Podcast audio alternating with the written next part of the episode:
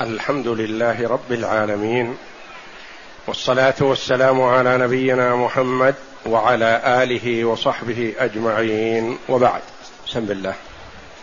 بسم الله الرحمن الرحيم. قال المؤلف رحمه الله عن عائشة رضي الله عنها قالت لقد كان رسول الله صلى الله عليه وسلم يصلي الفجر فتشهد معه نساء من المؤمنات متلفعات بمروطهن ثم يرجعن إلى بيوتهن ما يعرفهن أحد من الغلس. قال المروط أكسية معلمة تكون من خز وتكون من خز وتكون من صوف. نعم. متلفعات ملتحفات. متلحفات. متلحفات والغلس اختلاط ضياء الصبح بظلمة الليل. هذا الحديث أورده المؤلف رحمه الله تعالى تحت كتاب الصلاة باب المواقيت. تبين عائشة رضي الله عنها أن النبي صلى الله عليه وسلم يصلي الفجر في أول وقتها. وذلك أنه يشهد معه نساء من المؤمنات صلاة الفجر. ثم يرجعن إلى بيوتهن. ما يعرفهن أحد من الغلس. يعني أنهن يرجعن إلى بيوتهن مع وجود الغلس الذي هو الظلام. اختلاط الظلام مع ضياء الفجر. والنبي صلى الله عليه وسلم كان يطيل القراءة في صلاة الفجر. فكان يقرأ أحيانا من ستين آية إلى مائة آية عليه الصلاة والسلام. فكونه صلى الله عليه وسلم يقرأ كثيرا في الركعتين ثم يخرج النساء متلفعات متلف متلحفات متلفلفات بمروطهن أكسيتهن لا يعرفن. دليل على أنه دخل في الصلاة في أول وقتها.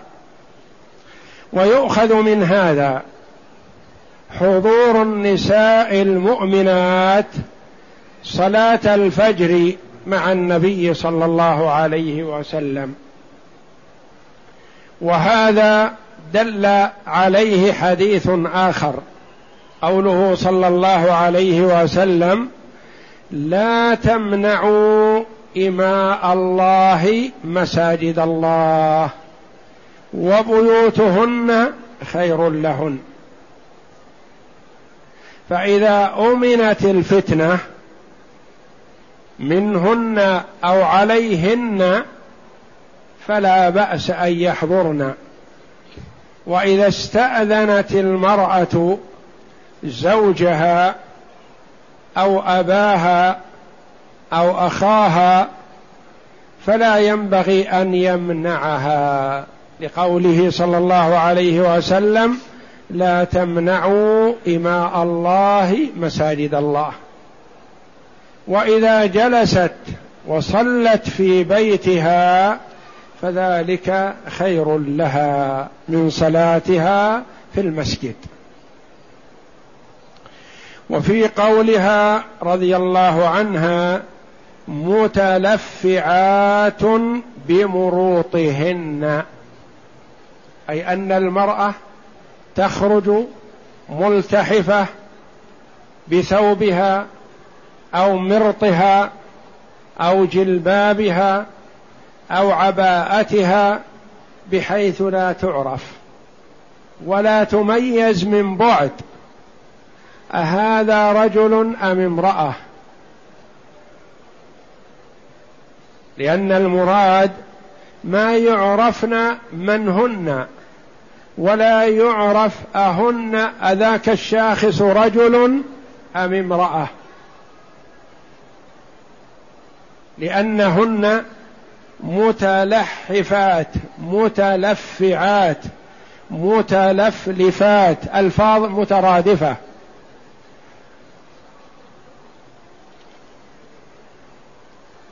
ثم إن المؤلف رحمه الله فسر المروط فقال هي أكسية معلمة يعني فيها خطوط.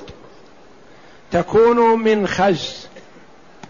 من نوع الخز وتكون من الصوف. وقوله متلفعات أي متلحفات. والغلس هو اختلاط ضياء الصبح بظلمة الليل يعني ما وجد الإسفار. والصبح طالع لأنه لا يمكن أن يدخل في صلاة الفجر إلا بعد طلوع الفجر. ثم إن العلماء رحمهم الله اختلفوا في هل الأفضل المبادرة في أول وقت صلاة الفجر استدلالا بهذا الحديث أم الأفضل الإسفار والانتظار في صلاة الفجر حتى يوجد الإسفار. الأئمة الثلاثة مالك والشافعي وأحمد رحمهم الله يرون أن الإبدار والمبادرة في صلاة الفجر بعد طلوع الفجر أفضل. لهذا الحديث ولغيره من الأحاديث ولفعل النبي صلى الله عليه وسلم الذي استمر عليه.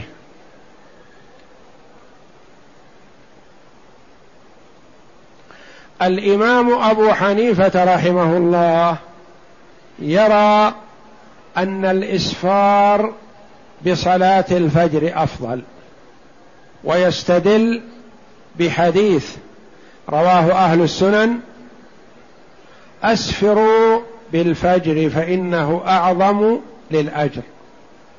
وسيأتي الكلام على هذا الحديث. اقرأ. غريب الحديث معلمة بفتح اللام وتشديدها. الغلس معلمة بفتح اللام وتشديدها أي فيها خطوط. نعم. الغلس بفتح الغين المعجمة واللام. الغين المعجمة يعني المنقوطة بخلاف العين. إذا قيل الغين العين المعجمة يعني منقوطة هي الغين. نعم. بمروطهن المرط بكسر الميم كساء مخطط بألوان وزاد بعضهم أنها مربعة. يعني فيها خطوط مربعة. نعم. متلفعات متلفلفات أي غطين أبدانهن ورؤوسهن. هكذا كن الصحابيات رضي الله عنهن. إذا خرجن يخرجن متلفعات متلحفات متلفلفات ألفاظ مترادفة واردة في الحديث. بمعنى أنها غطت رأسها ووجهها وجميع بدنها. نعم. المعنى الإجمالي تذكر عائشة رضي الله عنها أن نساء الصحابة كن يلتحفن بأكسيتهن ويشهدن صلاة الفجر مع النبي صلى الله عليه وسلم ثم يرجعن بعد الصلاة إلى بيوتهن وقد اختلط الضياء بالظلام إلا أن الناظر إليهن لا يعرفهن لوجود بقية الظلام المانعة من ذلك.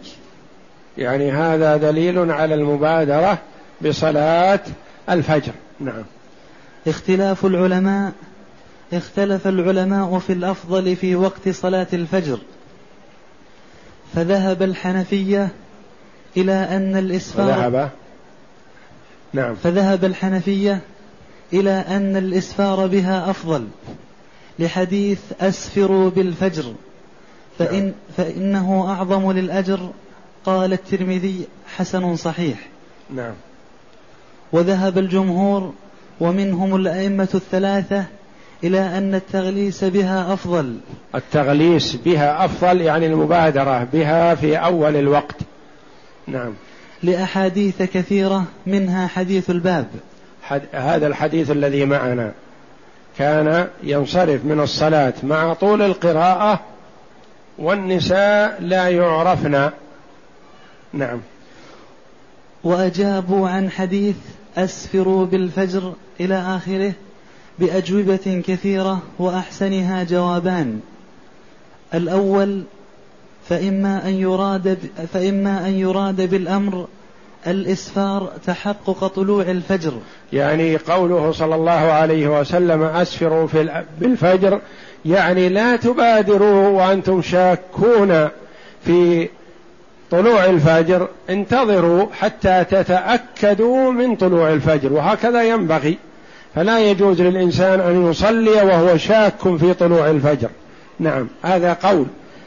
تفسير لقوله أسفروا بالفجر. نعم. حتى لا يتعجلوا فيوقعونها في أعقاب الليل. نعم. ويكون أفعل التفضيل الذي هو أعظم.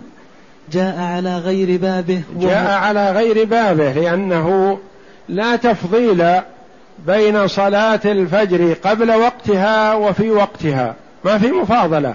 قبل وقتها غير صحيحة إطلاقا. قالوا كثيرا ما يأتي أفعل التفضيل لا يراد به المفاضلة على غير بابه كما في قوله جل وعلا وهو أهون عليه. فالله جل وعلا ليس في شيء هناك شيء هين وشيء أهون. كلها سواء على الله جل وعلا لا يعجزه شيء. نعم. الثاني وإما أن يراد بالإسفار إطالة القراءة في الصلاة فإنها مستحبة وبإطالة القراءة لا يفرغون من الصلاة إلا وقت الإسفار. يعني أسفروا بالفجر يعني أطيلوا القراءة حتى تخرجوا من صلاة الفجر في السفر في سفر في نهار مثلا. وقد قرأ أبو بكر رضي الله عنه قراءة طويلة حتى كادت أن تطلع الشمس. فقالوا له يا خليفة رسول الله كادت الشمس أن تطلع وأنت في القراءة. فقال لو طلعت ما وجدتنا غافلين. ما دمنا دخلنا في صلاتنا في وقتها فلا بأس علينا. فكان الرسول صلى الله عليه وسلم يقرأ في صلاة الفجر آيات كثيرة والصحابة من بعده رضي الله عنهم. نعم. ما يؤخذ من الحديث اولا استحباب المبادرة؟ وبعض العلماء رحمهم الله قالوا في هذا الحديث إنه اختلف في سنده ومتنه. أسفروا بالفجر. مختلف في سنده ومتنه. يعني لا يقاوم حديث الصحيحين المتفق عليه الذي معنا. ثم مواظبة النبي صلى الله عليه وسلم على ذلك. مواظبة النبي صلى الله عليه وسلم على المبادرة في صلاة الفجر دليل على الأفضلية وهو عليه الصلاة والسلام لا يعمل إلا الأفضل. نعم. ما يؤخذ من الحديث؟ اولا استحباب المبادرة إلى صلاة الصبح في أول وقتها. ثانيا جواز إتيان النساء إلى المساجد لشهود الصلاة مع الرجال مع عدم خوف الفتنة ومع, دح ومع تحفظهن مع من إشهار أنفسهن بالزينة. يعني أنه يؤذن لهن في حضور الصلاة بشرط الا يكون هناك محذور. فإن كان هناك محذور بأن يفتتن بهن فيمنعن أو يفتتنهن فيمنعن. أو يخرجن بثياب زينة وبطيب ونحو ذلك فيمنعن. وقد قالت عائشة رضي الله عنها في عهد الصحابة رضي الله عنهم بعد وفاة رسول الله صلى الله عليه وسلم لو رأى رسول الله صلى الله عليه وسلم ما أحدث النساء لمنعهن المسجد. فالأولى للنساء أن يصلين في بيوتهن فصلاتهن في بيوتهن خير لهن سواء كن في مكة أو في المدينة أو في أي مكان هن فيه. لقوله صلى الله عليه وسلم وبيوتهن خير لهن. ولا ينبغي للرجل أن يمنع المرأة إلا إذا خشي من وجود فتنة فتنة بها أو فتنة عليها أو خشي ضرر عليها من الفساق ونحوهم فيمنعها يمنعها للمصلحة. لكن إذا لم يكن هناك ضرر فلا ينبغي منعها والأولى لها هي أن تصلي في بيتها. والله أعلم. وصلى الله وسلم وبارك على عبده ورسول نبينا محمد وعلى آله وصحبه أجمعين.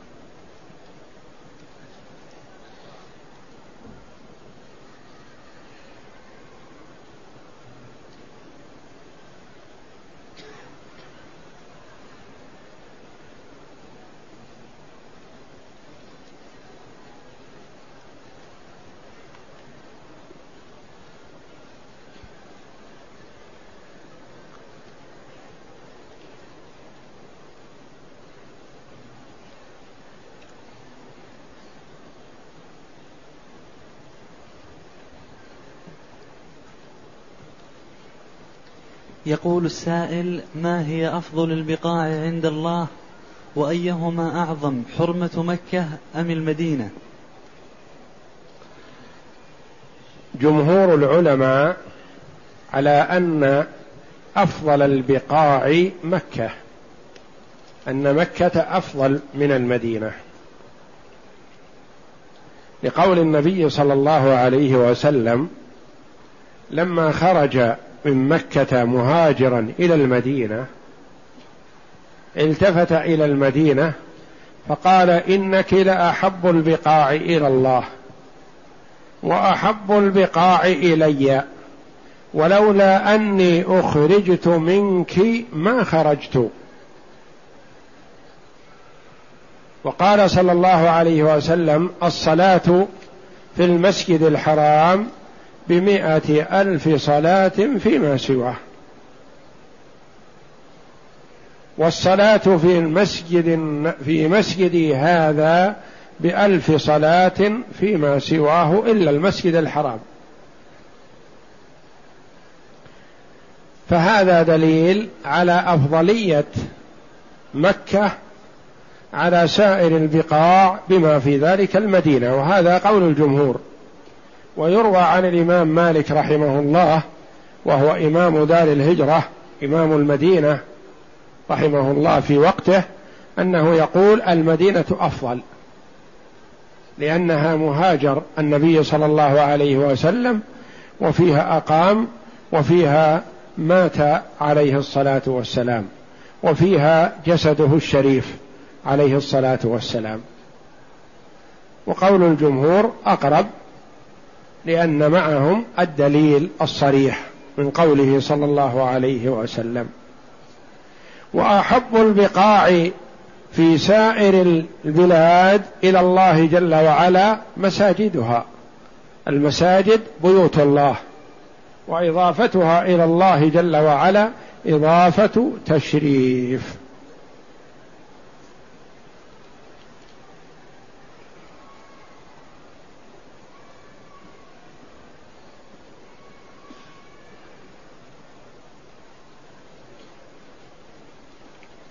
يقول السائل رجل من عادته صيام يومي الاثنين والخميس. سافر سافر مع رفقة مفطرين فما هو الأفضل في حقه؟ الصيام على عادته أم الفطر مع رفقته؟ لعل الأفضل والله أعلم الفطر مع رفقته. لأن من سافر وكان من عادته أن يعمل عملا وتركه لسفره فإن الله جل وعلا يكتبه له كأن ما عمله.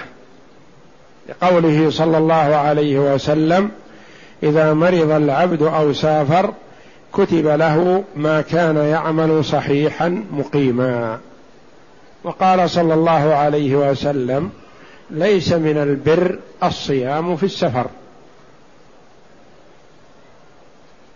وهذا إذا شق عليه الصيام أو رأى أن رفقته يتأثرون بصيامه لا يحبون منه أن يصوم فلعل الأولى له ألا يصوم في السفر لأن صيامه مكتوب له بإذن الله إذا أفطر من أجل سفره.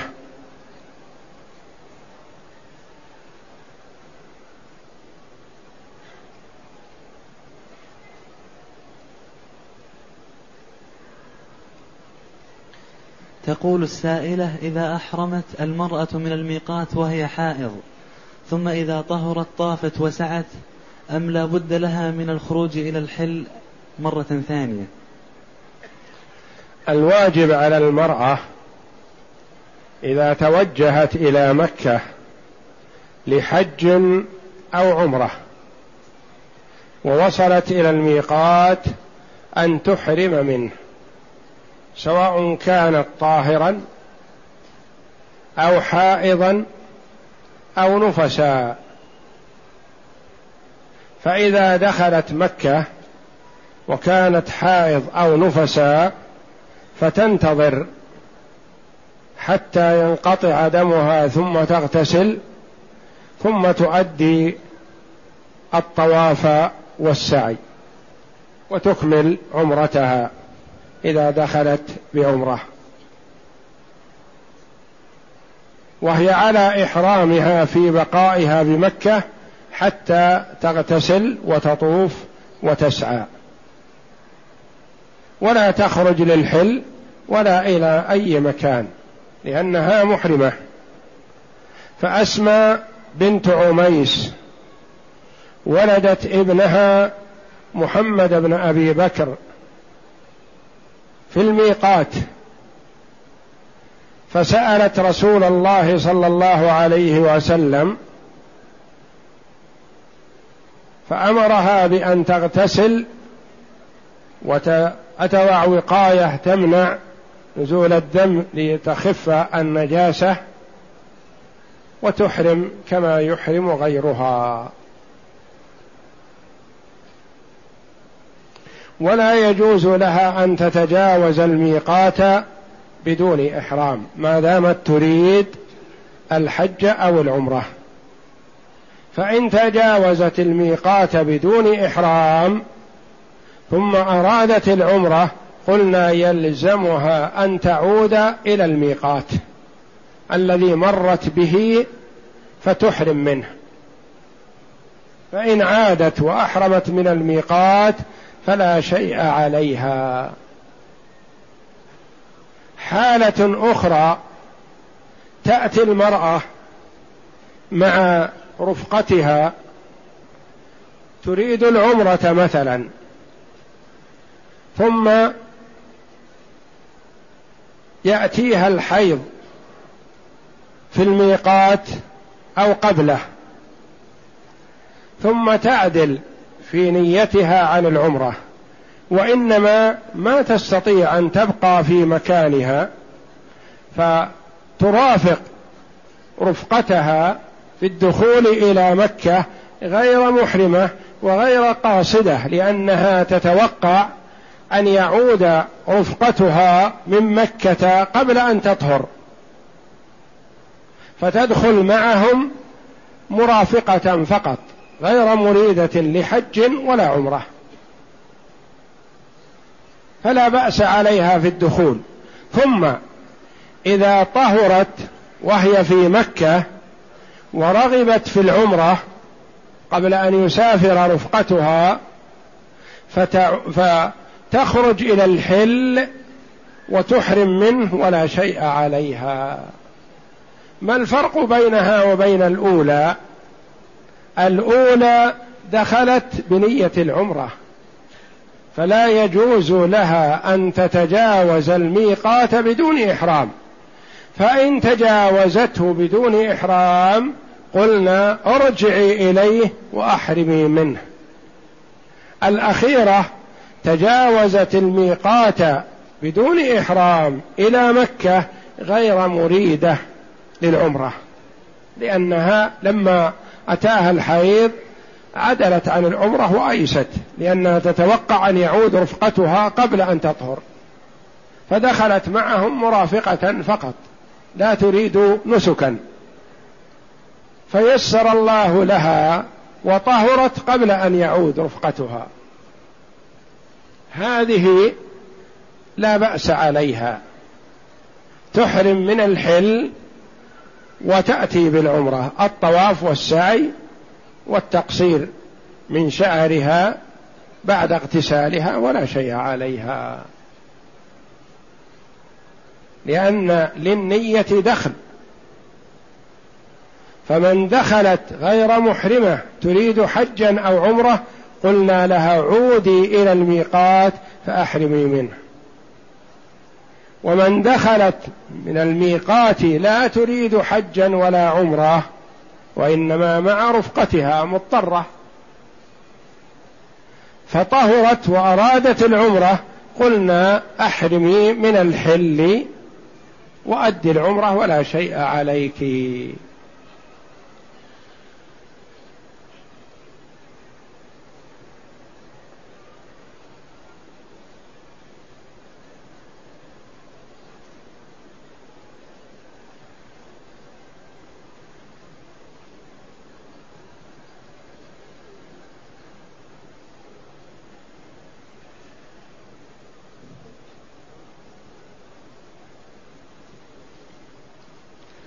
يقول السائل نويت العمرة في المدينة وسألت شخصا ماذا أعمل؟ قال تذهب إلى مكة وهناك تحرم وتأخذ العمرة وأنا الآن في مكة ولم أخذ عمرة فماذا أعمل؟ ومن أين أحرم؟ أولا أخي أنت أخطأت بسؤالك جاهل مثلك. لكنه جري على الفتوى بغير علم.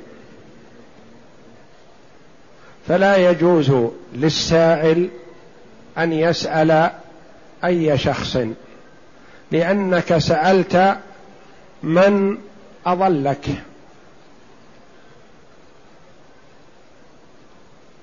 سألت من لا بصيرة عنده ولا يعرف سنة رسول الله صلى الله عليه وسلم. والله جل وعلا يقول فاسألوا أهل الذكر إن كنتم لا تعلمون. والنبي صلى الله عليه وسلم حدد المواقيت لكل جهة ما من آت إلى مكة إلا ويمر بميقات من المواقيت أو يحاذيه. سواء جاء عن طريق الجو أو عن طريق البر أو عن طريق البحر. فالمواقيت محيطة بمكة من جميع الجهات ولله الحمد. وقال عليه الصلاة والسلام هن لهن يعني لهذه البلدان. يهل أهل المدينة من ذي الحليفة إلى آخر الحديث. هن لهن ولمن أتى عليهن من غير أهلهن ممن أراد الحج أو العمرة. أنت جئت من الشرق من نجد مثلا. ميقاتك السيل أو وادي المحرم.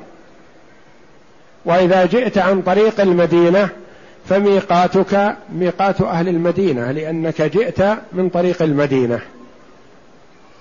ولمن أتى عليهن من غير أهلهن. فحدد المواقيت صلى الله عليه وسلم. فيلزم من أراد الحج أو العمرة أن يحرم منهن. ومن كان دون ذلك فيحرم من حيث أنشأ. أنت من جدة أنت من بحرة أنت من الشرايع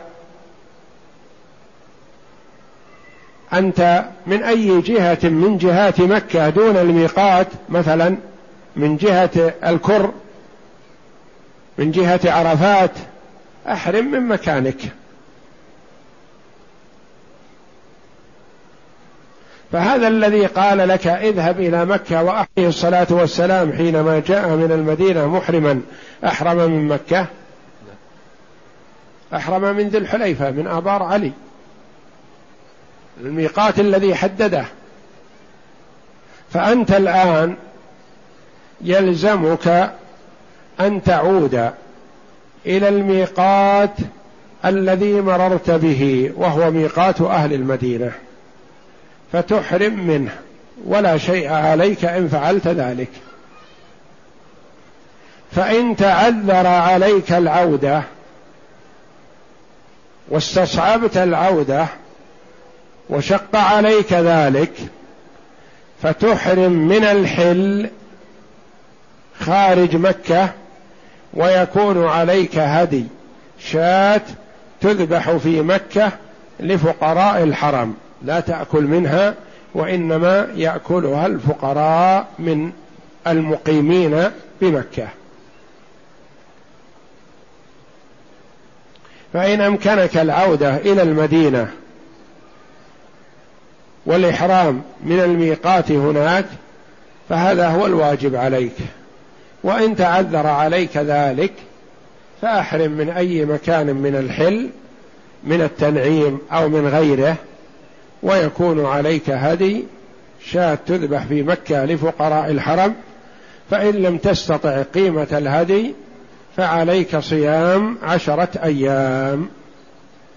وعمرتك صحيحة إن شاء الله.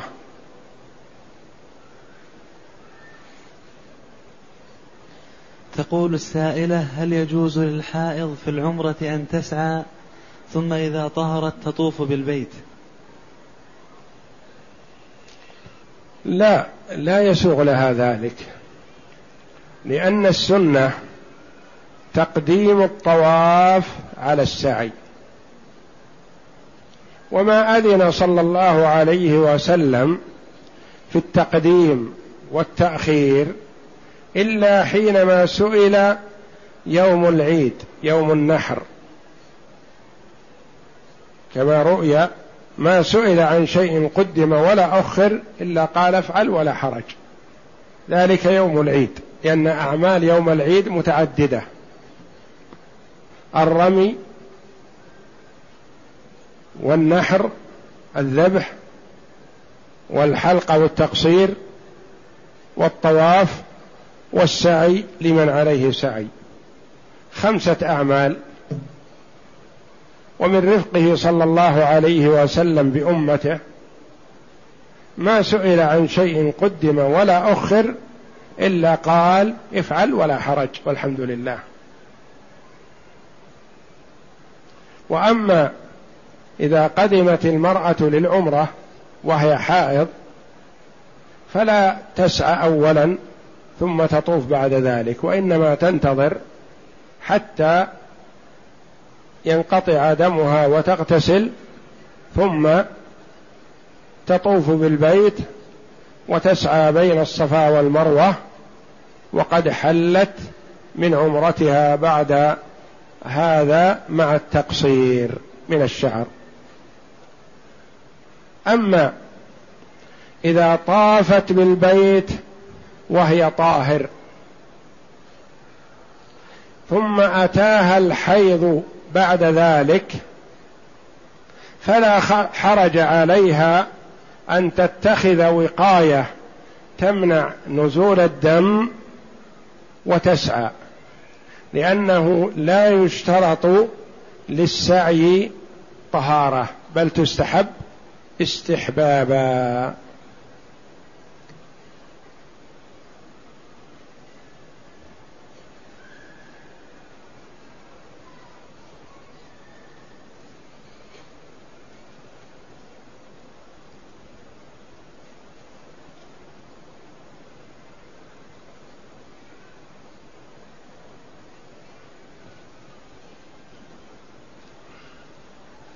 يقول السائل هل الأربع التي قبل الظهر والأربع التي قبل العصر أفضل أن تصلى في البيت أم في المسجد؟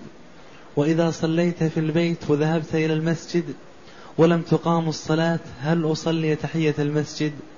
زيادة على ذلك. لا شك أن جميع النوافل صلاتها في البيت أفضل. لكن هذا في حق من يأمن أن يفوت عليه شيء من الصلاة. كالإمام أو من ينتظر في الصلاة.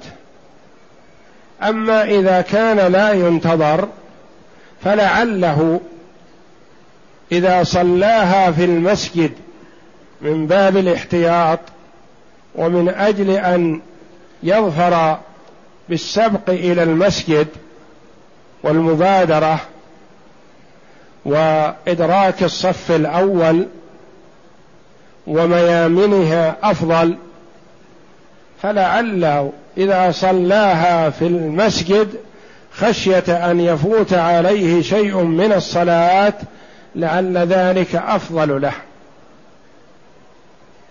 ثم إذا صلاها في البيت وجاء إلى المسجد ولم تقم الصلاة فلا يجلس حتى يصلي ركعتين تحية المسجد لقوله صلى الله عليه وسلم إذا دخل أحدكم المسجد فلا يجلس حتى يصلي ركعتين.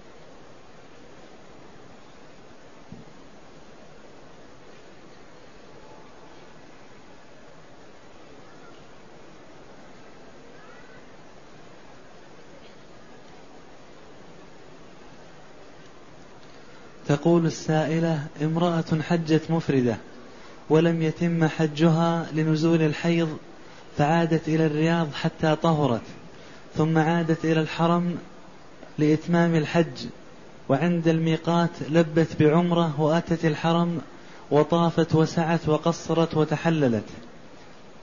هل تعتبر بذلك قارنة أم أن عملها صحيح؟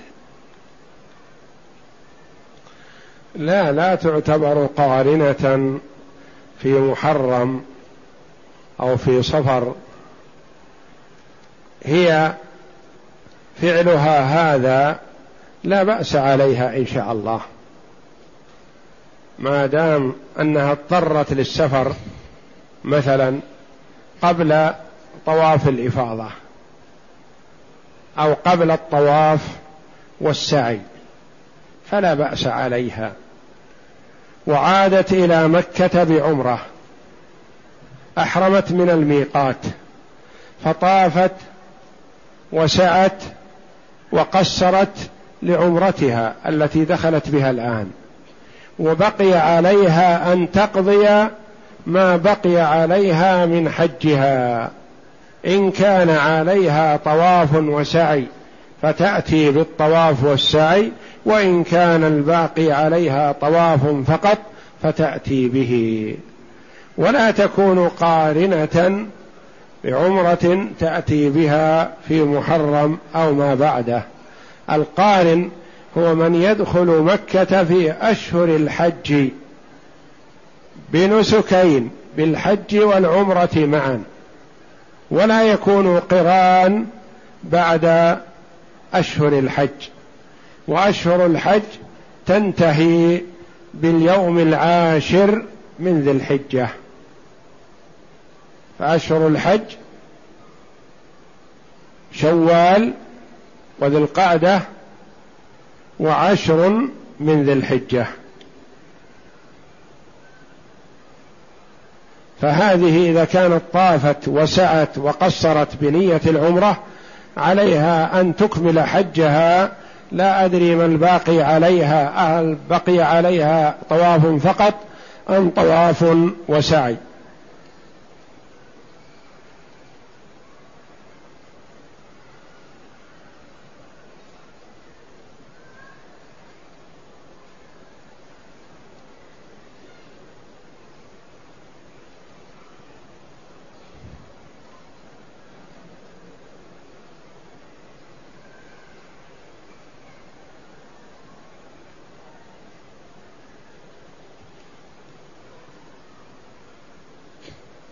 يقول السائل إذا كان بيتي قريب من المسجد فهل الأفضل أن أصلي سنة الفجر في البيت وأضطجع على رأسي الأيمن أم أبكر للصلاة وأصلي سنة الفجر في المسجد؟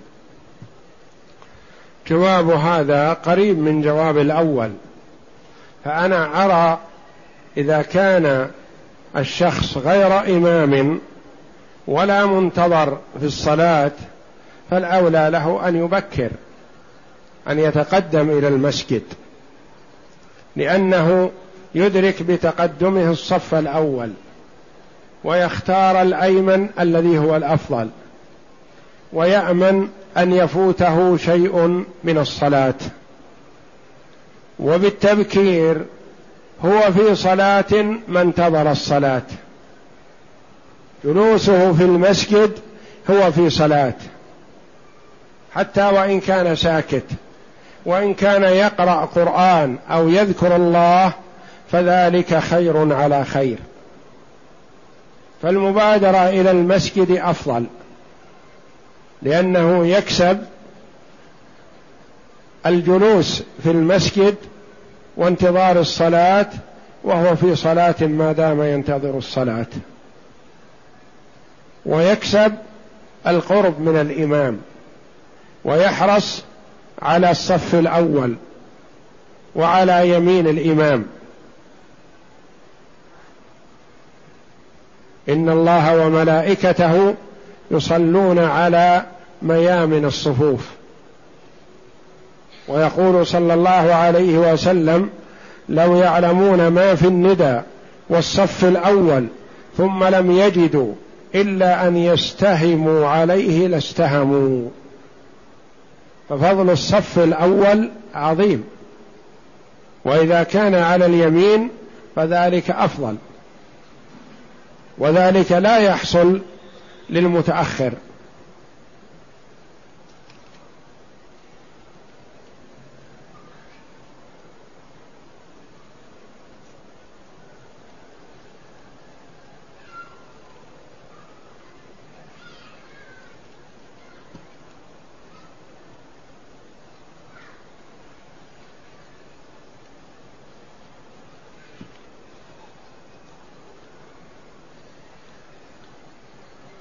يقول السائل كنا نعيش مع الكفار في بلادهم وليس لنا قبور غير قبورهم وهل نأثم في إقبال موتانا معهم ونحن مسلمون؟ ينبغي لكم أن تطالبوا بمقبرة خاصة بالمسلمين ولا يجوز مع الإمكان أن يقبر المسلم مع غير المسلمين. مع الإمكان. وإذا لم يمكن ذلك فالله جل وعلا يقول فاتقوا الله ما استطعتم.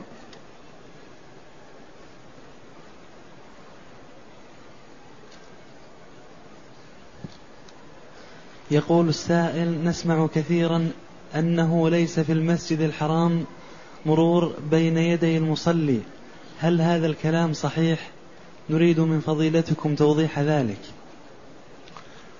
نعم العلماء رحمهم الله اختلفوا في منع المار بين يدي المصلي في المسجد الحرام. نعرف أنه لا يجوز المرور بين يدي المصلي في سائر البقاع سوى مكة. ومكة محل خلاف. بعض العلماء يرى أنه لا يجوز حتى في مكة. وبعض العلماء يستثني المسجد الحرام. ويقول لا بأس بالمرور بين يدي المصلي في المسجد الحرام. لماذا؟ يقول لأنه ورد أن النبي صلى الله عليه وسلم كان يصلي حول الكعبة وكان الطائفون يمرون بين يديه فلم يكن يمنعهم.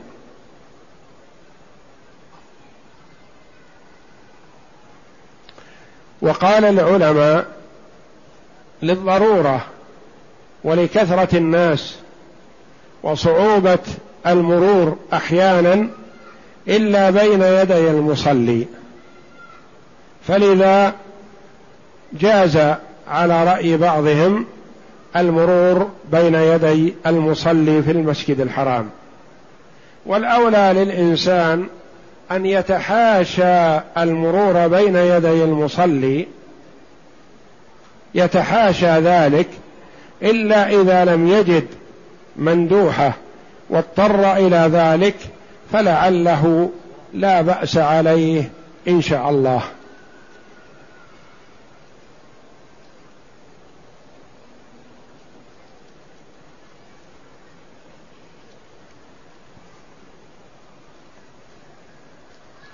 يقول السائل من المعلوم أن في كل مدينة أو قرية مرتفعات وسهل فما هي العبرة في غروب الشمس؟ هل المرتفع أو السهل؟ العبرة في هذا الوسط وما يمكن الوصول إليه. أما المرتفعات الشاهقة التي لا يمكن الوصول إليها أو يشق الوصول إليها فلم يكلفنا الله جل وعلا ذلك.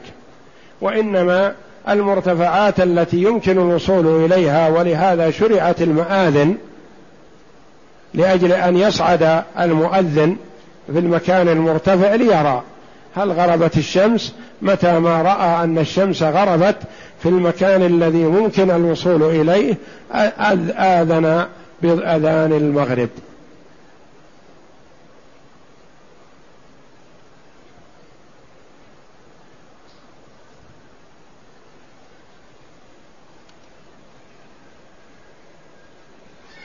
يقول السائل إذا صلى الإنسان الفجر وجلس يذكر الله حتى تطلع الشمس فمتى يصلي ركعتين؟ هل يصلي بعد مرور خمس دقائق بعد الوقت بعد وقت الشروق أم أقل أو أكثر؟ من المعلوم أنه لا تصح الصلاة عند طلوع الشمس إلا بعد ارتفاعها قدر رمح. ارتفاع الشمس قدر رمح. ولهذا حدده بعض مشايخنا رحمهم الله قالوا ما بين عشر دقائق وربع ساعة.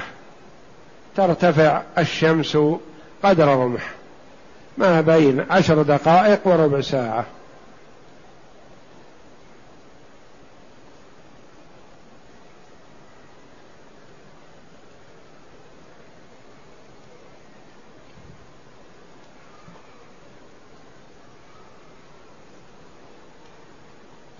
يقول السائل لي زوجة طالبة في الجامعة فكنت أعلمها صفة الطلاق فنطقت بها ثلاثا وكان القصد تعليمها فقط فدخلني الشك في ذلك فما الحكم؟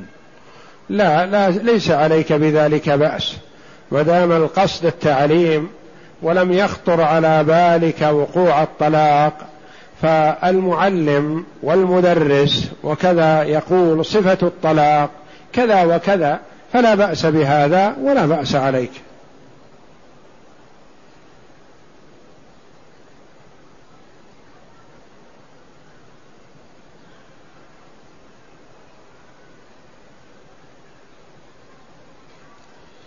يقول السائل ما هو حكم الشرع في أداء العمرة عن الحي الغير عاجز بدنيا إلا أنه عاجز ماديا؟ إذا كان عاجز ماديا فهو غير مستطيع. فإذا اعتمرت عنه بعد إذنه وموافقته على ذلك فلا بأس بذلك. المهم ألا تعتمر عن الحي إلا بعد إذنه وموافقته على ذلك. وأي عذر له في عدم القدرة على تأدية العمرة يكفي.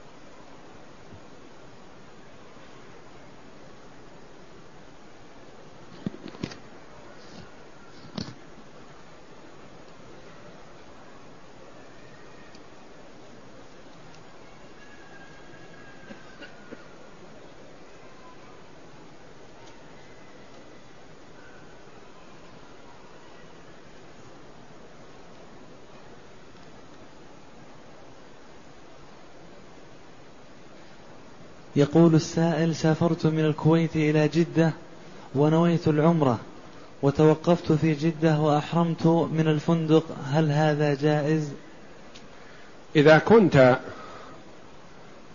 قد نويت ورغبت وعزمت على العمرة قبل أن تصل إلى جدة فيلزمك الإحرام من الميقات ولو توقفت في جدة أياما لا حرج عليك تتوقف وأنت محرم.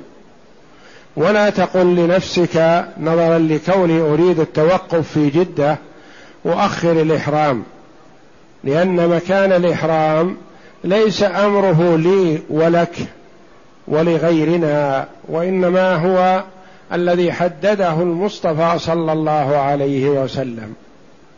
ولا حرج عليك أن تحرم من الميقات وتبقى في جدة شهر إن شئت. وأنت محرم. لا بأس عليك. فإذا كنت حينما قدمت إلى جدة ناول العمرة ثم أحرمت من جدة فعليك هدي لأنك تجاوزت الميقات بدون إحرام. وأما إن كنت جئت إلى جدة لغرض من الأغراض فلما وصلت إلى جدة رغبت في العمرة. فأحرمت من جدة فلا بأس عليك.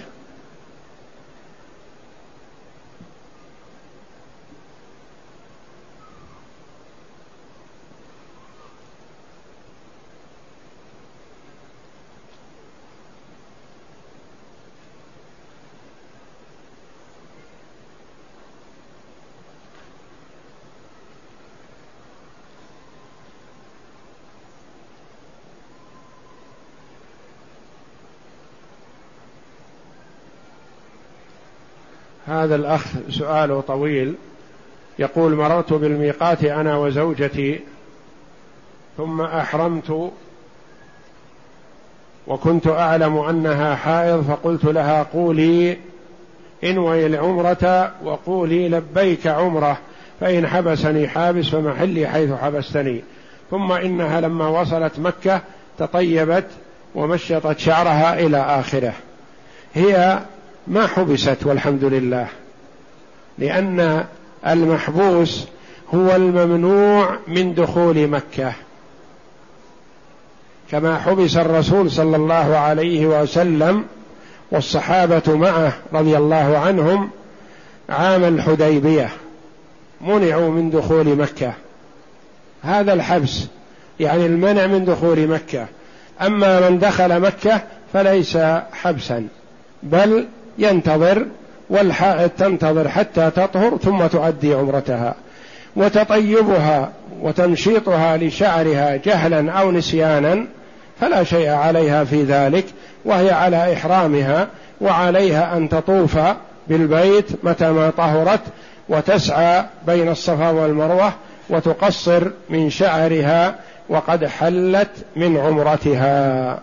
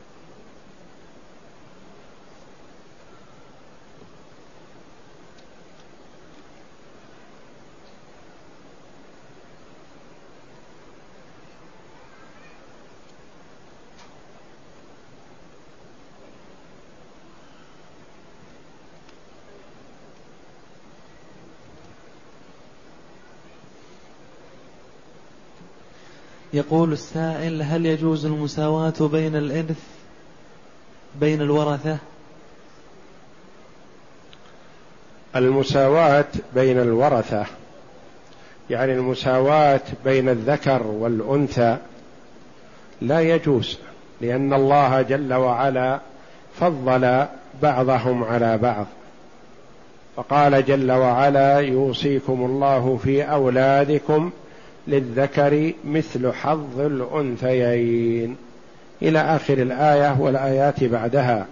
في تبيان حق كل وارث من زوج أو زوجة أو أب أو أم أو أخ أو أخت لأب أو لأم أو شقيق. كل شخص مبين قسمته. فلا يجوز المساواة بينهم إلزاما بذلك. أما إذا كان على سبيل التبرع والتنازل مثلا الأخ والأخت يقول الأخ لأخته مثلا أنا أرضى بأن نتساوى وإياك في الميراث لي نصف ولك نصف لي سهم ولك سهم من باب التنازل منه مثلا لأخته ونحو ذلك فلا بأس. وأما إذا كان على سبيل الفرض والإلزام بأن نصيب الأنثى مثل نصيب الذكر نصيب الأب مثل نصيب الأم نصيب الأخ الشقيق مثل نصيب الأخ لأم وهكذا فلا يجوز ذلك لأن هذا اعتراض على قسمة الله جل وعلا. والله جل وعلا ما وكل قسمة الميراث إلى ملك مقرب ولا إلى نبي مرسل بل تولى ذلك بذاته جل وعلا. فقال في الآيات يوصيكم الله في أولادكم للذكر مثل حظ الأنثيين الآيات من سورة النساء.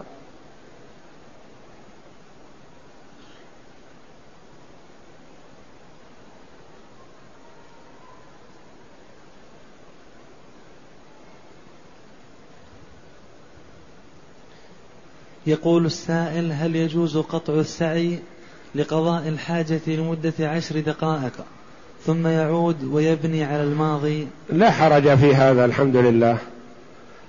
لا يلزم التتابع في أشواط السعي.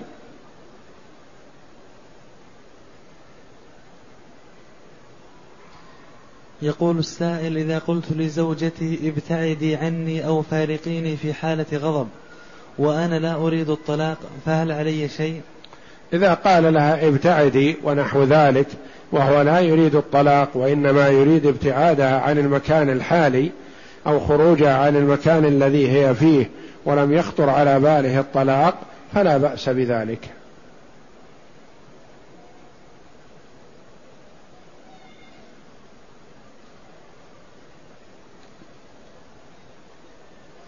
يقول السائل شخص نذر على أن يعتكف في الحرم ثلاثة أيام وبعد ذلك نذر أن يعتكف يومين إذا نجح. هل يجوز أن يعتكف يوم أو يومين ويتصدق في الباقي من من النذر أو يترك باقي الأيام في مرة ثانية؟ الواجب عليه أن يفي بنذره لأن النبي صلى الله عليه وسلم قال من نذر أن يطيع الله فليطعه فإذا نذر أن يعتكف ثلاثة أيام فليعتكف. وإذا نذر أن يعتكف يومين إن نجح فليعتكف يومين غير الثلاثة الأولى التي نذرها. والنذر لا يأتي بخير وإنما يستخرج به من البخيل. والله أعلم. وصلى الله وسلم وبارك على عبد ورسول نبينا محمد وعلى آله وصحبه أجمعين.